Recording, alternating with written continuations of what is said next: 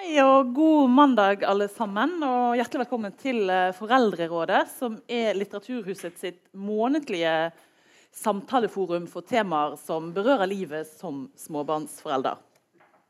Og velkommen også til de som etter hvert lytter til oss på podkast.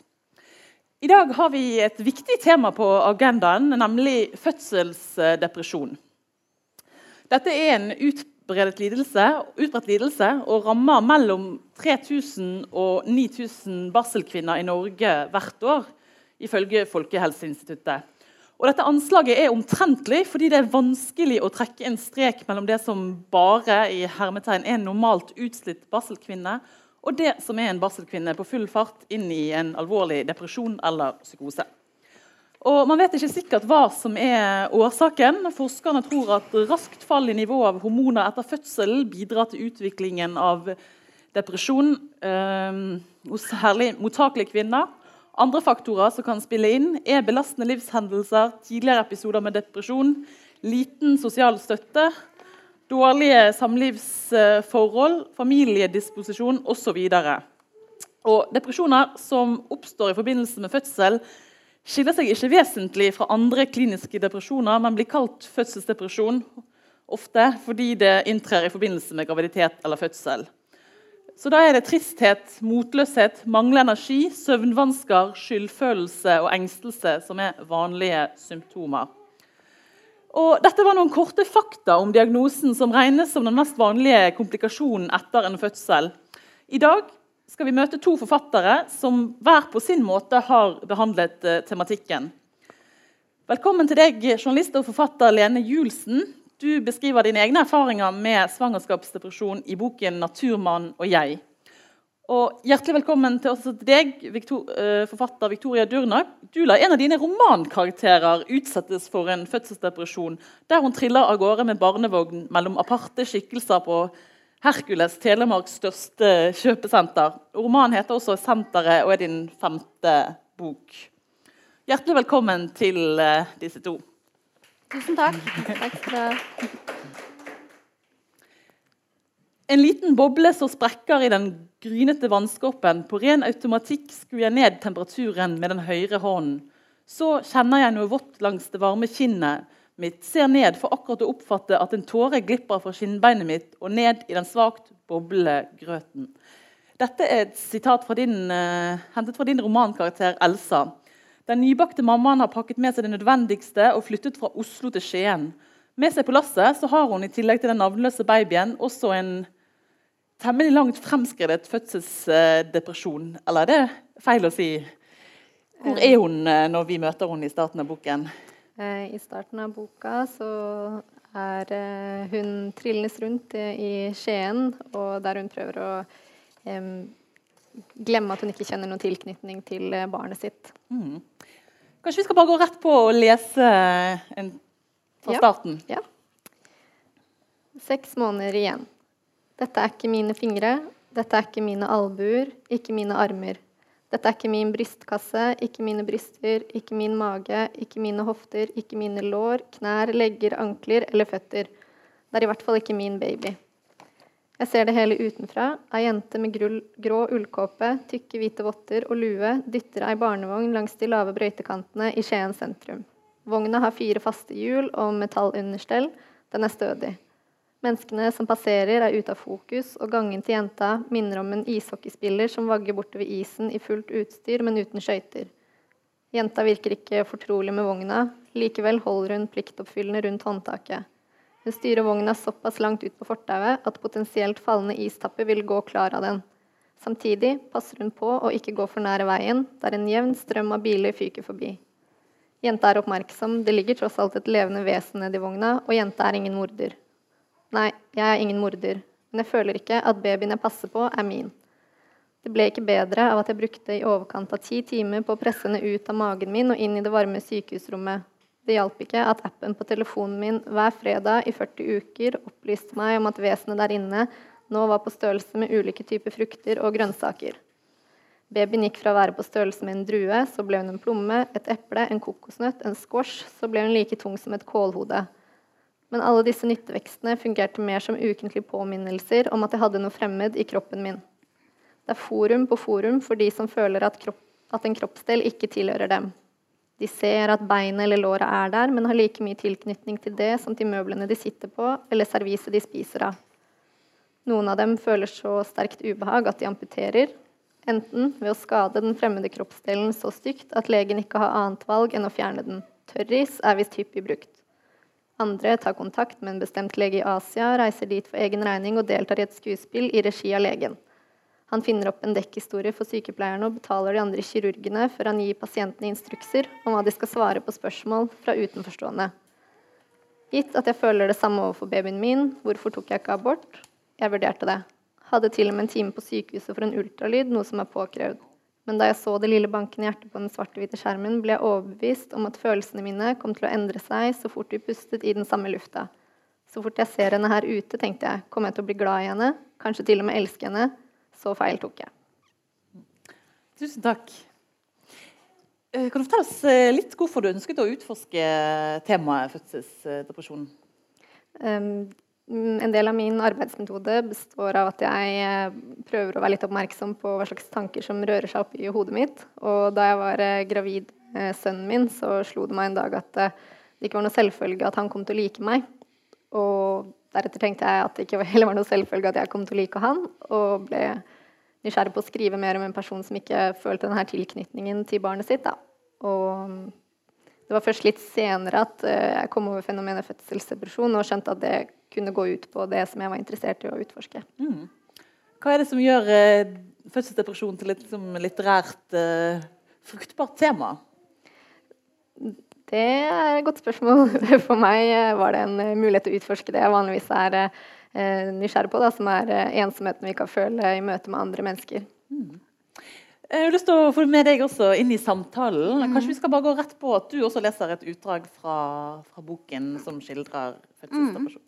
Eh, bare som et bakteppe så er det viktig å vite at der, eh, det her skjer tre måneder tre og en halv måned før fødselen.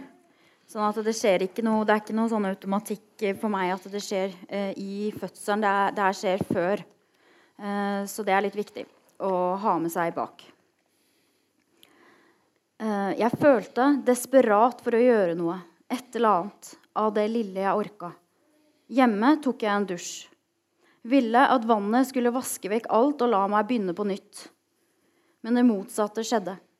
For sakte, men sikkert der under strålen opplever jeg at jeg del for del, tanke for tanke, mister resten av meg selv. Det lille som er igjen. Nå er jeg sikker på at det er sånn det oppleves å bli gal. At nå er jeg der. Du mister forstanden litt etter litt, men kan i klare øyeblikk observere galskapen fra et sted utenfor deg selv. Uten mulighet til å gjøre noe som helst. Som en engel som vil være med i verden, men som ingen ser. Viljesterk, men fullstendig maktesløs.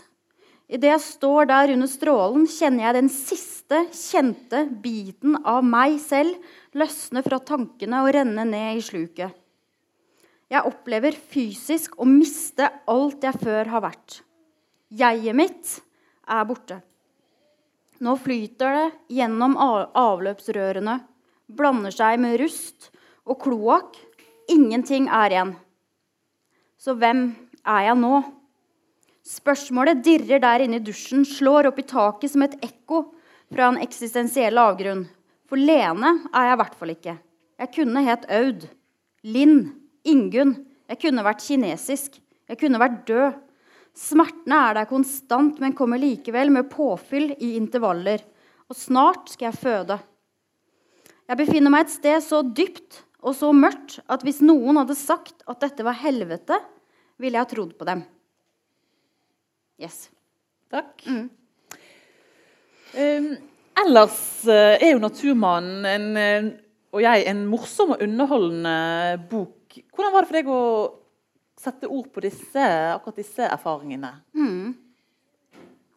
Sånn, ja. Um, Nei, altså Det ble uunngåelig å ta opp temaet. fordi egentlig når jeg begynte å skrive boka, og det var det jeg begynte, altså tekstene, det begynte som spalter. Først i, på Harvest.as, et nettmagasin, og så i A-magasin i Aftenposten.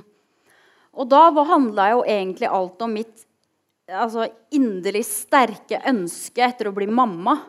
Eh, og så hadde jeg blitt sammen med en eh, kar som visste seg det å være så jævlig glad i naturen. da. Sånn at han eh, hver helg eller når han fikk sjans, da, så, så stakk han til fjells. Og da, det var jo, og I de ballene som han hadde på seg, og som stakk, der lå jo den spermen jeg skulle ha. på en måte. Så det, når han var borte, så, og, jeg, og det var liksom eggløsning Så jeg fikk jo jeg fikk, Det var jo ikke noe mulighet. Jeg var veldig sånn, Det går veldig mye på den der eh, fortvilelsen. da. Um, og til slutt så får jeg jo da uh, lurt han med på det greiene her. Eh, og, og sier liksom vet du hva, men slapp av, jeg skal gjøre alt. jeg skal, eh, Du kan bare fortsette som før, og bla, bla, bla. bla, bla. Eh, og så bare går det seks måneder inn i svangerskapet, og jeg bare detter i bakken som en våt klut. Eh, og det ender da med at derfra og halvannet, i hvert fall halvannet år frem i tid, kanskje mer, så etter ungen kommer og sånn, så, så han gjør absolutt alt. Um, jeg ammer kun på dagtid, for jeg har fått beskjed av, uh, av uh, legen at jeg må sove. Så mens Sofia da sov uh, 18 timer i døgnet, så snitta jeg på ca. 14-15. Så, så, det var liksom Det var mye soving. Og Eivind fant en sånn rutine på at han bare proppa ungen da, dritfull med melk på kvelden. Så hun bare lå liksom og rant melk ut sånn. Så da sov hun jo selvfølgelig hele natta. Så, så det her syns han funka veldig fint. Og så Han ja, laga mat, han tok vare på han gikk tur med han gjorde absolutt alt. Det eneste jeg orka, var å sitte med henne inntil meg. Uh, jeg klarte, I perioder så var jeg så sliten at jeg ikke klarte å ha blikkontakt med mitt eget barn. Og var jo, da var jeg veldig sånn, glad for at hun sov 18 av 24 timer i døgnet. For da følte jeg liksom ikke den fortvilelsen så sterkt. Og så prøvde jeg de timene hun var våken med å liksom møte henne. da. Mm, men så det å skrive om den perioden ble uunngåelig, fordi det viste seg jo at naturmannen Naturmannens kvaliteter kom jo eh, til uttrykk og liksom eh, på en annen måte eh, da, i denne situasjonen. Han viste seg med en utholdende og stødig kar. Mm. Ja. Um, som vi var inne på innledningsvis, er det jo mange ulike grunner til at uh, man blir rammet av fødselsdepresjon, og det arter seg ulikt. Har, sånn I ettertid, har du noen tanker om hvorfor det hendte deg? Jeg tror det har veldig mye med altså ting er med det samfunnet vi lever i. At, at folk sier liksom sånn um, Eller jeg har alltid jeg jobba som journalist og alltid vært liksom vant til å gønne på. Uh, og så er det sånn der, noen som sier sånn Å være gravid er ikke noe sykdom, altså. Nei, det er ikke noe sykdom. Du, du lager faktisk et menneske. Så liksom at du liksom eh, altså Du kan sitte der og spise lunsjen din, men nå sitter jeg og lager øyenvipper og to lunger, liksom. Og det er liksom sånn at kroppen din altså Du lager et menneske inni, og det skal man være litt ydmyk for. Og liksom på en måte Man må kanskje roe uh, ned litt, da. Og ikke altså hele tiden Samfunnet forventer? Det, er det, det er det kjøret. Vi er med i samfunnets tempo selv om vi er gravide. og så bare, Det er avtaler, det er krav, det er plikter, og man bare gønner på. Uh, og jeg jobba som vanlig og tok ikke på en måte noe hensyn til at jeg faktisk produserte et menneske inni magen. Og, og bare plutselig da klikka helt. Og, tankene bare gikk sånn, sånn, drrr, sånn Jeg klarte ikke gå inn og stoppe det. Så, og så mista jeg all kraft. Um, så jeg tror, jeg tror, en respekt for at, man, at det liksom Damekroppen er igjennom i en sånn prosess. Det tror jeg er viktig å ha i bakhodet. Og så må man være flink sjøl også, fordi samfunnet Det er uendelig mange muligheter, og man må altså, altså, kunsten å begrense seg. Uh, ja, ha mm. rom for å, for å slappe av, liksom. Mm. Mm. Apropos kunsten å begrense seg. I din bok så møter vi jo da Elsa, som er 28 år gammel, og som, som kommer til et sted der hun ikke kjenner noen. Og Boken heter jo 'Senteret', for det er der hun uh, tilbringer dagene sine. Da. Vil, vil, du si litt om, om hverdagen for den smått deprimerte småbarnsmoren Elsa, slik den kommer fram i boken?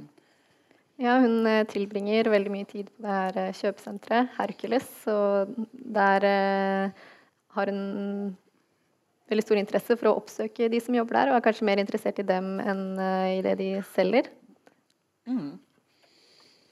Eh, du sier jo det at du, du, var opptatt av å utforske det og på en måte ikke føle tilknytning. Og, og, det, og hva er god, å være en god mor selv om man ikke elsker barnet sitt. Eh, det kan jo høres brutalt ut, men si litt om, om hvordan det opptok deg sånn tematisk her? Ja, Det var de situasjonene jeg var eh, mest interessert i å se litt nærmere på. da. Eh, fordi alenemoren i boka hun tar kjempegodt vare på barnet sitt, men føler da at hun ikke elsker barnet. Og da lurer jeg bare på det, hvordan det er i forhold til det å kanskje elske barnet sitt, men ikke ta vare på det.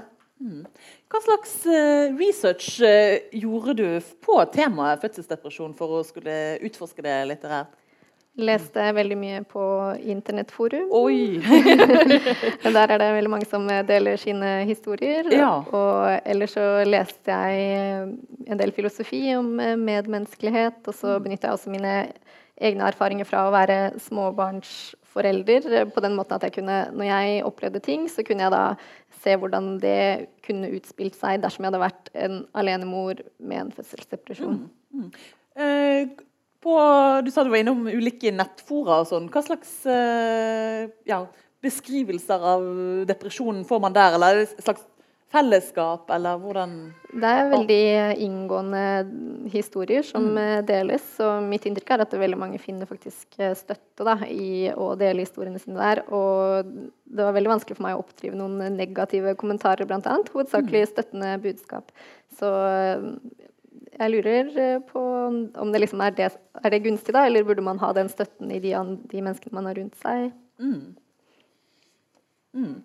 Altså, du selv eh, småbarnsmor og var gravid når du begynte å skrive boken. Eh, har du selv kjent på noen av de følelsene som eh, Elsa strever med? For meg var et, etter at jeg fikk barnet mitt, så var det mer fysiske plager som var kinkige for meg. Men jeg tenker at fødselsdepresjon er noe som angår alle foreldre, både mødre og fedre. Og selv var jeg veldig heldig at jeg var hjemme sammen med mannen min. Han er også forfatter, så vi kunne dele veldig mye på ansvaret. Og jeg ser veldig lett at dersom man hvis man er alene eller har hatt en vanskelig graviditet eller fødsel, at mørke følelser kan få bedre fotfeste. Da. Mm. eller hvis man bare er veldig sliten. Ja. Et spørsmål til dere begge. Altså, snakker vi for lite om dette temaet? Hmm. Altså, forventningene sånn som jeg også hadde, var jo til det å bli mamma og gå gravid og sånne ting. Det var jo litt sånn øh, glamorøst, uh, kanskje. Um, og når det på en måte det motsatte inntraff, så det er klart at um, ja, det er jo vanskelig ja, altså, det, det ikke, Jeg visste ikke om noen andre som hadde vært gjennom det samme. Mm. Det gjorde jeg ikke. Ja, og det får meg til å tenke på, er det, så, altså sånn, eh, det er jo en forventning hvis man er gravid om at man skal være lykkelig. Og, og, altså, hvordan var det da å møte omgivelsene når du ikke kjente på disse følelsene? Var det da noe du delte, eller den, altså den delingen som du gjør nå i boken, noe som kom til i ettertid? Eller hvordan Nei. håndterte omgivelsene dette? Nei, altså jeg kunne ikke skjule det, for jeg orka jo ingenting. Så jeg, måtte, jeg var jo bare hjemme, eller uh, naturmannen tok meg ut på stranda. Uh, så jeg Og han tok også telefonen min, for jeg klarte ikke forholde meg til det. Så uh, jeg kobla ut hele verden, for jeg hadde ikke krefter. Så jeg var liksom, det eneste jeg orka, var ytterst Jeg hadde kontakt med selvfølgelig mammaen min og, og Eivind. Og veldig, veldig lite ellers. Og og det du møter, og som du, du, har et enormt behov for å forstå selv, i tillegg til at du har et enormt behov for å forklare for andre. Fordi eh, alle andre rundt deg har ofte en teori om hva som har skjedd. Eh, og når du da selv er en person som alltid på en måte er, eh, har energi og er glad, og er liksom sånn, og så blir du en helt annen, så det var veldig mye snakk, og det var veldig mye teorier, og det var veldig mange som visste veldig mye, på en måte. Eh, men, eh, men så til slutt så sa naturmannen, da, eller Eivind, at du kan, ikke, du kan ikke på en måte kreve at folk forstår, eller bruke masse energi på å forklare deg, fordi det er nesten ikke forklarbart. da. Så, så, det var liksom veldig sånn fortvilelse i det at jeg måtte, jeg følte hele tiden forklare meg at ikke jeg var gal, eller forklare meg hele tiden. da. Um, så jeg var veldig sånn redd for Og jeg følte, jeg følte jo liksom skam og mislykka da. Mm. Over at her pumper folk ut liksom bare fire-fem unger. Og du ser de der somaliske damene som er liksom naboene mine. De har jo liksom syv unger ikke sant? og er så freshe. og og liksom jeg bare Hva er det med meg, liksom? Uh, hvorfor klarer jeg ikke det her? Uh, så det er jo mange, mange ting rundt det her, da. Mm. Uh, som mm. Ja. Men det, det, er jo interessant det du sier med sånn presset på perfeksjon og sånn. Og så Elsa starter jo nettopp en sånn tråd på babyverden, kanskje for å, for å søke litt støtte. Vil du si litt om hvordan det går, når hun melder seg på den digitale diskusjonen om moderskapet? Ja, det kommer jo fram eh, en del støttende beskjeder. Så er det noen som mener at hun er eh, bortskjemt, og at hun burde ta seg, bare ta seg sammen, rett og slett. At det er så enkelt som det, da. Mm. Eh, men det gir jo også, disse svarene som du nevner nå, gir jo liksom en, en eh, sånn innføring i nettopp dette presset man har på å skulle føle at alt er bra og Ja. Eh, du var jo inne på det, men hva altså Man har kanskje ikke jeg vet ikke hvor gode tall man har fra tidligere tider, for sånn 50 år siden, om mm. hvor mange som ble rammet med, av uh, fødselsdepresjon. Men tenker dere liksom at det ligger noe i liksom, den lykkekulturen som, som skaper uh, Eller kan ha medvirkende årsaker til at folk uh, mm. kjenner på mørkere følelser ved Jeg tenker i hvert fall at eh, man forventes å klare alt eh, alene, da. Og at det kan eh, skape en splittelse hos mange når de merker at de ikke uh, strekker helt til, eller at det bare krever mye mer enn man hadde forventa. Mm.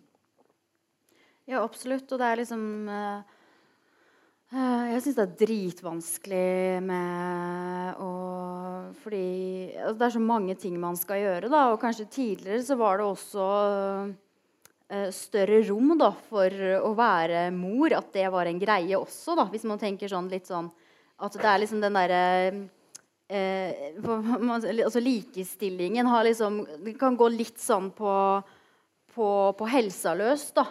Eh, I forhold til i eh, hvert fall eh, sånn som jeg kjenner, da. Liksom at du skal eh, Jeg skal jo ha den ungen, og så skal jeg jo skrive, jeg skal prestere. Og så vil Eivind at jeg skal uh, liksom uh, gjøre min del av husarbeidet. Og så er det liksom bare sånn her Nei, nå har vi ikke hatt uh, sex på tre uker, liksom. Fy fader, altså. Det er mitt liv. Og så, liksom, så har du press på det. Og det er sånn der tusen ting. da, du skal liksom, Områder du skal prestere på, liksom. Um, og, og da blir det jo liksom sånn Jeg innrømmer det, og så liker jeg å sitte rolig og slappe og, og liksom, det, er liksom, det er sånn krav hele tiden. Eh, og bare det liksom sånn helt konkret eksempel det når du føder Det er jo ikke mange dagene man er på sykehuset før du liksom egentlig bare blir overlatt til deg selv. Og jeg husker jo mamma og de, lå jo en uke. Uh, så ja, jeg vet ikke. Mm. Men altså, du var jo inne på det i sted. Altså, ordet fødselsdepresjon, eh, syns dere at det er misvisende om, eh, om denne tilstanden? Og burde vi hatt et nytt ord for det? Du bruker ordet barseldepresjon selv. Ja, det ordet barseldepresjon tok jeg vel egentlig bare direkte fra det spørreskjemaet man får utdelt på helsestasjonen. Men jeg vet ikke, det virker bare som en veldig vid definisjon, da, av at det kanskje finnes flere ting imellom. Men jeg vet ikke om å gi det noe nytt ord mm. nødvendigvis gjør det noe bedre. Ja, Nei, men tenk på det som du sier også, at, mm. at man kanskje assosierer det med at fødselsdepresjonen kommer etter fødsel, ja. og det går ja, sånn ut på at du ikke føler noe for barnet. da. Ja. Mm. Mens du hadde det ja, Det ordet rommer liksom ikke din opplevelse, kanskje? da? Nei, og ikke kom mm. det på fødselen. Og ikke var jeg sånn uh, altså Det var jo ikke depresjonen i seg selv som var noe Altså, jeg opplevde mest angst og utmattelse. At det var det som var det graverende. Og så kom den, eh, altså den eh, depresjonslignende følelsen kom over situasjonen. Over at jeg får ikke gjort noen ting. Alle mammaene går ut og triller og er glade og har liksom sånn kaffe i den vogna si. og liksom, Der vil jeg være, men jeg orka jo ikke en dritt. ikke sant? Så det var liksom mer sånn tungsinn over situasjonen. Um, i, I tillegg til at der, eh, jeg hadde aldri noen tanker om at jeg ikke skulle bli glad i ungen min. eller Det var ikke noe, var ikke noe problem mellom eh, Det var ikke noe sånn. Jeg hadde verdens beste selvtillit på det. Men det var liksom, det gikk på min syke og min helse. Mm. det, var, det, var, det var liksom som en psykisk smell. Men jeg var også gravid, liksom. Ja. Ja. Men hva hva er tilstanden for Elsa, da? For det, hun, hun passer jo på ungen sin, men hun har kanskje ikke de store morsfølelsene? Eller hvordan vil du beskrive det? Ja, nei, det høres eh, ut som du beskriver det Ja. godt der. Ja, hva tenker du på tilstanden for eh, henne om Ja, Hvis du på en måte skulle diagnostisere din egen uh, karakter, da. Altså, Ja, eh, ja, hvis man ser, jeg har jo da inkludert det her eh, spørreskjemaet man får utdelt eh, sånn ca. tolv uker etter fødsel på helsestasjonen. Og det skal jo da kunne kartlegge hvem som har fødselsdepresjon. Og hun svarer bare sånn litt utafor normalen på det, da. Så det kan like gjerne være de andre tingene i livet hennes som gjør at hun har tungsinn. At hun da har blitt aleneforelder, eller at hun eh, har isolert seg fra familie og ikke har så mye støtte rundt seg. da. Men apropos det skjemaet, er det, tenker dere at det er liksom nok, eller burde helsevesenet i større grad tatt, for, tatt, uh, ja, tatt mer eh, ansvar for også mors helse under svangerskapet? Du har jo vært litt inne på nettopp det. Ja.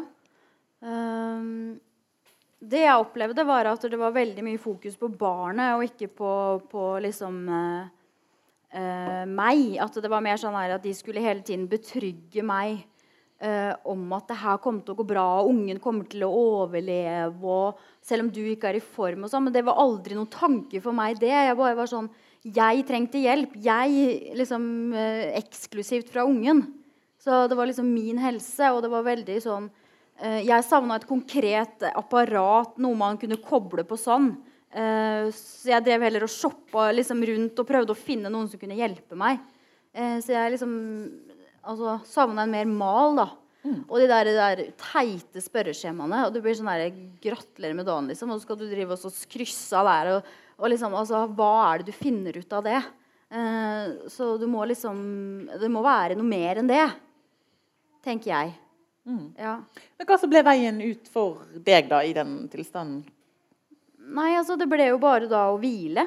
Hvile, hvile meg eh, Lade opp batteriene.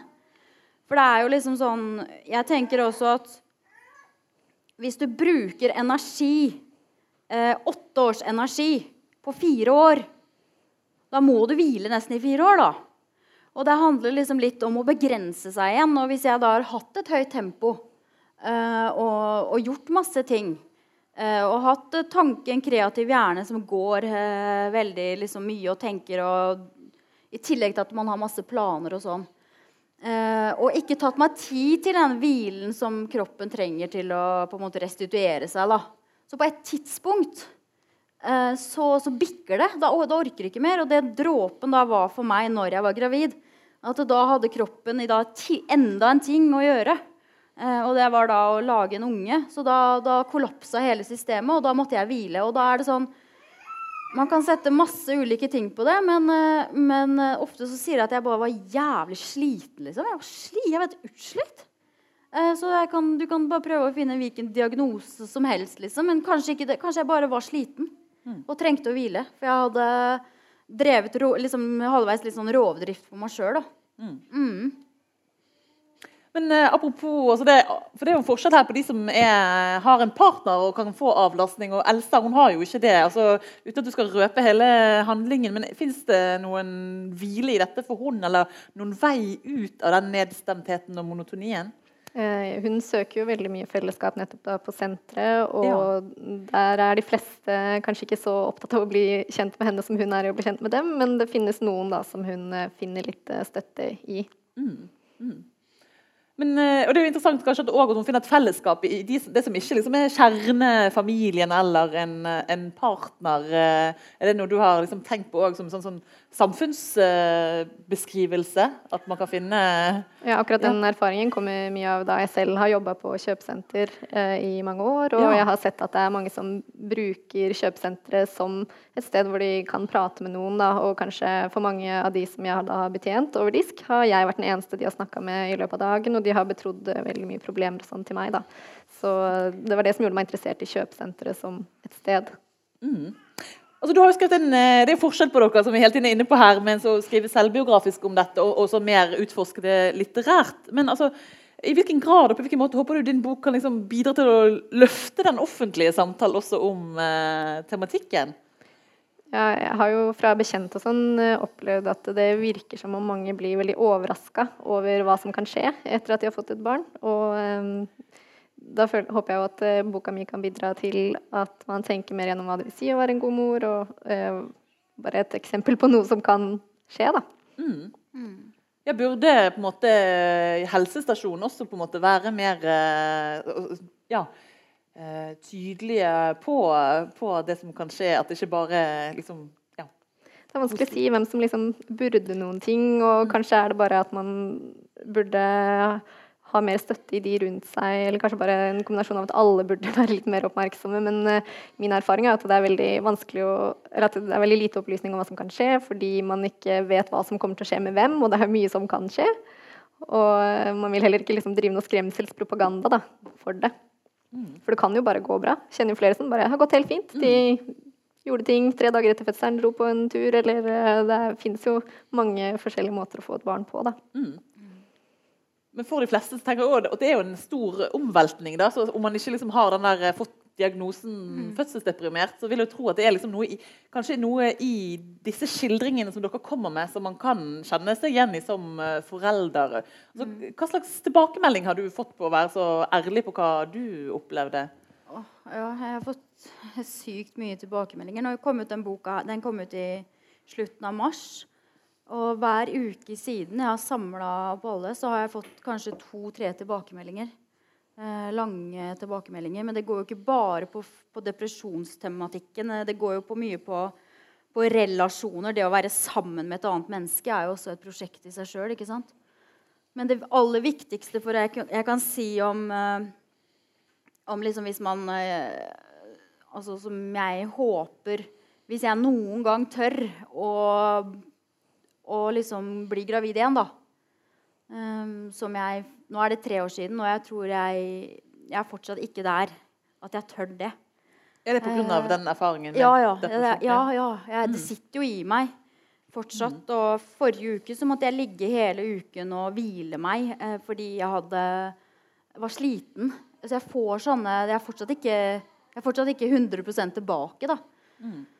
Um, og det, det viktigste jeg kan si, eh, det oppsummerer jeg liksom litt i noen linjer som jeg tenkte jeg bare kunne lese. Det er sånn fire-fem linjer. Men liksom det der å For det var én ting jeg klarte når jeg var sjuk. Det var å bare holde Sofia sånn.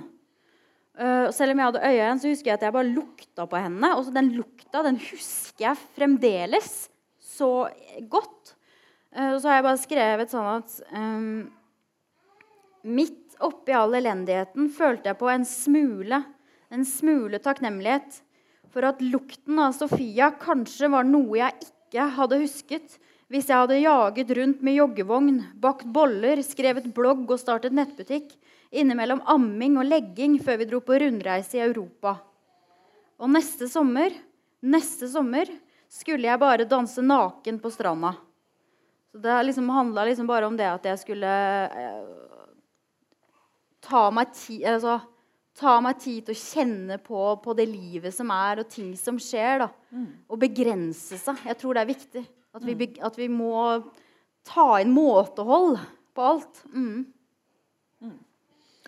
Men, men øh, hvis du da skal bli gravid igjen, altså hvordan, hvordan ville du sett for deg at helsevesenet kunne møtt dette på en, en bedre måte, som kunne Ja. deg tidligere? Ehm, det vet jeg ikke helt, men eh, jeg hadde vært helt eh, Jeg hadde bygd meg et apparat som var der, tror jeg.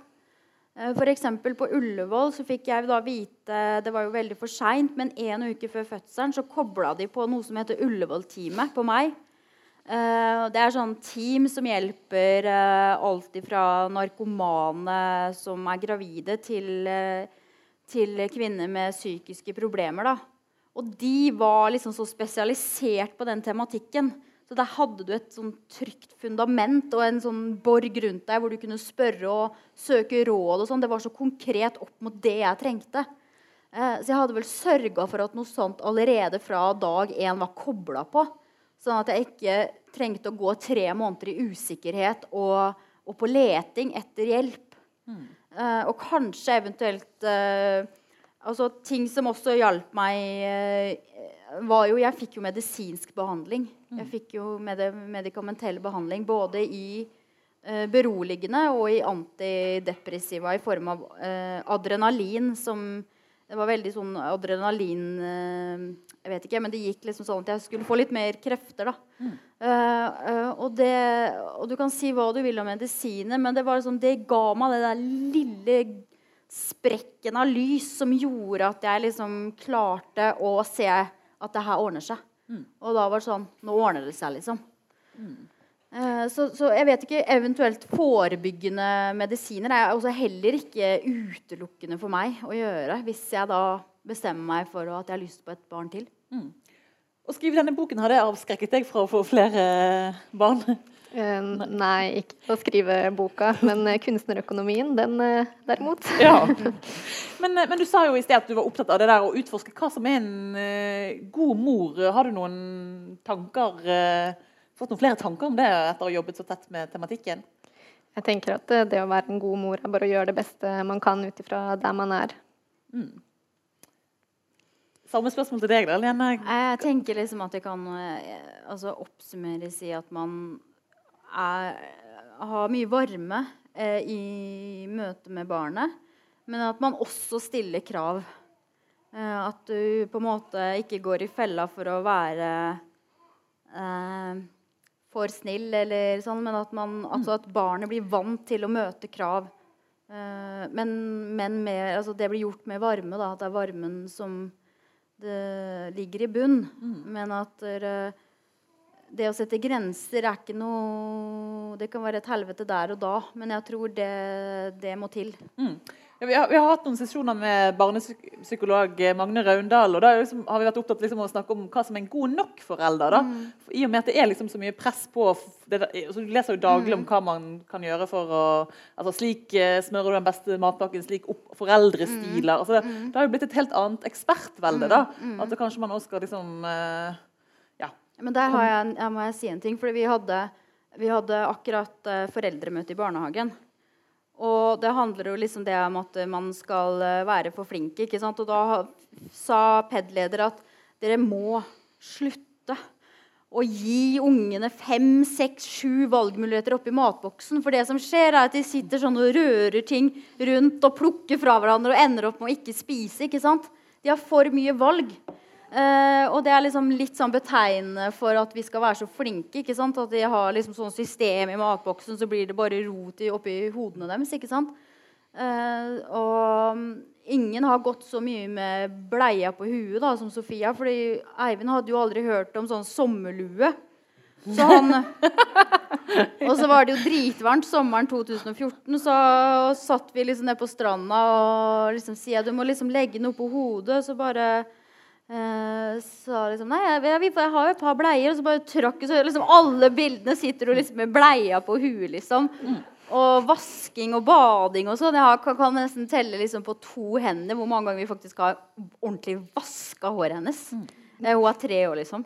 Og, og, det er liksom sånn der, bading hver dag og sånn. Det, altså, det, er jo helt over, overhodet ikke der, da. Det er eh, veldig mystisk med det babyhåret, fordi ja. en dag lukter det makrell, dagen etter ingen Ingenting, nei. Så det er sånn selvrensende. Jeg tror det. Så jeg tror liksom at de lider liksom ingen nød av at du må ikke følge noe sånn derre uh, Følge noe sånn uh, high standard-opplegg. Mm. Uh, bare en annen ting for å vende tilbake til begrepet fødselsdepresjon. så Det er jo ofte linket til kvinner, men snakker vi for lite om at menn også kanskje kan føle på en, den samme liksom, nedstemtheten. altså Det trenger ikke være noe sånn biologisk at fordi det er kvinnen som er født, så er det hun som liksom blir rammet av disse mm. hormonene. da. Jeg skulle gjerne hatt noen tanker om, om det. Eh, jeg tenker jo at det er jo eh, helt klart, for det er en eh, Ofte sånne ting skjer jo i livsomveltende situasjoner. Og når da du på en måte har hatt et nært forhold til kvinnen, på en måte da, som plutselig da blir så sugd inn i sin greie, og du liksom alltid forventa at du er den som på en måte har det minst verst, da. for mannen er jo liksom Han er jo ikke født, han har jo ikke gjort det. liksom sånn så det blir liksom, man kommer litt sånn i bakre rekke. Eh, og forventes å være liksom støttende på en måte. Og, og sånn. Så jeg tror absolutt at menn kan falle i en sånn uh, uh, situasjon hvor du liksom uh, opplever at veldig mye forandringer på kort tid. da. Og finne, må liksom på en måte finne sin plass også. Og få plass.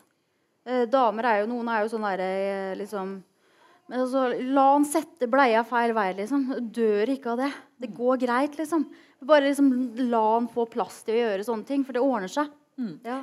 Victoria, kunne du skrevet denne romanen om en uh, fødselsdeprimert mann som trillet rundt på senteret?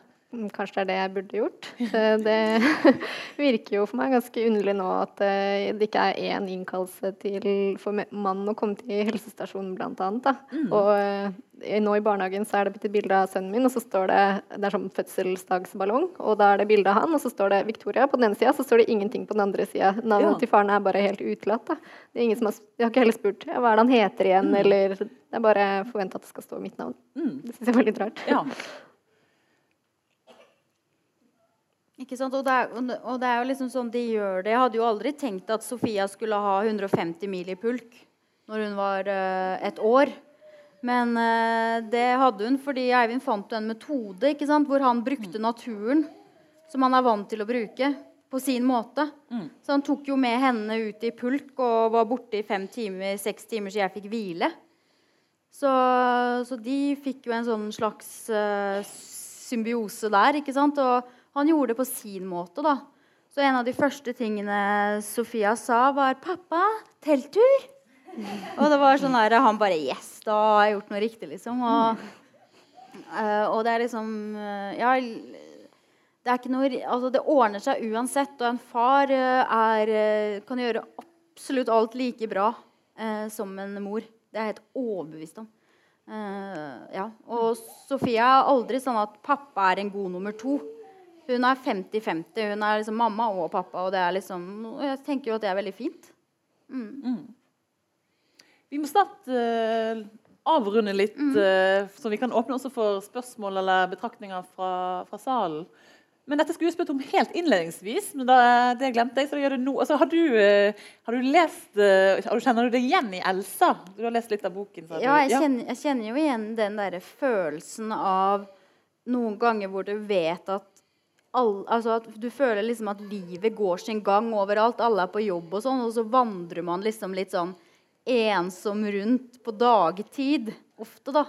Eh, på senteret og liksom I hvert fall i starten jeg bodde der jeg bodde, så var det sånn kjentingen, liksom. Og det var, sånn der, det var sånn rart å gå en hel dag uten å hilse på noen eller snakke med noen andre enn ungen din. da. Mm. Eh, så jeg kjenner meg absolutt, absolutt igjen i ting i den boka. Mm. Uh, veldig, veldig bra bok, ja. Mm. Som jeg liker veldig godt. Mm. Og det bare opplyse også om at disse bøkene finnes nede i boksalongen. Og det er mm. sikkert anledning til å få en personlig hilsen eller ja, ja. avhandling Absolutt. eller en limerick. Absolutt. Um, da vil jeg si tusen takk for at dere uh, kom hit, men spar litt på applausen. For nå vil jeg gjerne ha litt uh, spørsmål fra salen. Her er veldig lavterskeltilbud hvis det er noen uh, som har noen spørsmål om det som har blitt sagt, eller noe som burde blitt sagt i anledning temaet. Mm. Det er alltid litt sånn skummelt å spørre, men det er veldig interessant. ja. ja. Du, du snakket om at du opp... Oi, beklager. Eh, du snakket om at du opplevde at dette handlet mer om din psykiske helse eksternt fra ditt barn. Mm. Eh, og så sa du at graviditeten opplevdes som dråpen. Mm. Eh, tror du den dråpen kunne vært noe annet, eller er det noe så på en måte subjektivt unik ved graviditetsopplevelsen som på en måte mm. nei, jeg, trigget dette? Eller kunne det vært noe annet? Ja, nei, det er helt eh, Det, er, det tror jeg. Jeg tror, tror, det kunne vært noe annet. For Uh, sorg, at man har mista noen, eller liksom Jeg tror det kunne vært noe annet. Men det er jo også det derre fys fysiologiske, det som skjer med den øh, hormonbomba, liksom, som bare fucker hele systemet. Uh, og det kan jo da ha utløst et eller annet. Det kan det jo ha gjort. Så det vet jeg ikke. Men jeg tenker også at det kunne vært Hvis jeg f.eks. hadde opplevd et brått dødsfall i nærheten altså sånne ting, Det kunne også uh, hatt samme effekt, tror jeg. Uh, så jeg tror kroppen min i seg sjøl var nedkjørt. Innbiller jeg meg. Da. Det er i hvert fall min teori. Mm. Andre spørsmål? Ja. ja. Takk. Uh, veldig befriende og fint å høre dere. Tusen takk, begge to. Eh, jeg har to små barn sjøl, på to og sju år. Og vi har jo hatt våre kalde episoder i eh, graviditet både før og etter eh, fødsel. Eh, og nå leste jeg for noen dager siden jeg tror det var i Aftenposten, en artikkel som sammenligna oppmerksomheten på mor nå kontra for noen tiår siden. Der, dere, dere, var litt inne på det. Uh, der det var da en helt annen kanskje forståelse og en helt annen oppmerksomhet rundt de utfordringene som mor går gjennom før, eller før fødselen mm. og i etterkant av fødselen. Mm. Og dertil påfølgende hjelp fra eh, helsevesenet. Mm. Det, det, som jeg har opplevd en, Den ene av våre uh, fødsler var jo en veldig tøff fødsel. var en prematur, ekstremt prematur fødsel. Og vi opplevde jo en utrolig oppfølging av helsevesenet i den prosessen, og en stor forståelse. Uh, I den første så var det uh, så var en mer normal fødsel. Så var det mer inn og ut ganske kjapt. Mm, mm. Og da, da, er du ganske aleine mm. etterpå. Mm. Kan, kan det, altså noen kommentarer rundt det. Uh, for det første, Var fødselsdepresjoner et tema for noen tiår siden? Det er jo uh, en, en, ting som jeg sitter og tenker litt på. Mm. Og for det andre hva, hva, altså Er det noe i forhold til likestillingsperspektivet, som jo har gjort veldig mye bra for samfunnet vårt som helhet, mm. er det noe vi har glemt der? I mm. den, den alle de fremskrittene vi har gjort i forhold til mm. likestilling. Mm. Er det for eksempel, da, Har vi glemt noe rundt mora og hennes situasjon rundt, rundt fødsel? Mm. Takk. Ja, jeg tror helt klart det.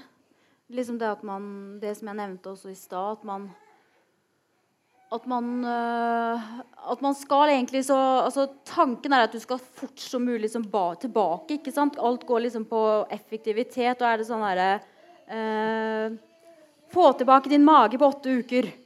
Alt er liksom gå på hvor liksom raskt ting skal skje. ikke sant? Så du hele tiden et, føler et tidspress.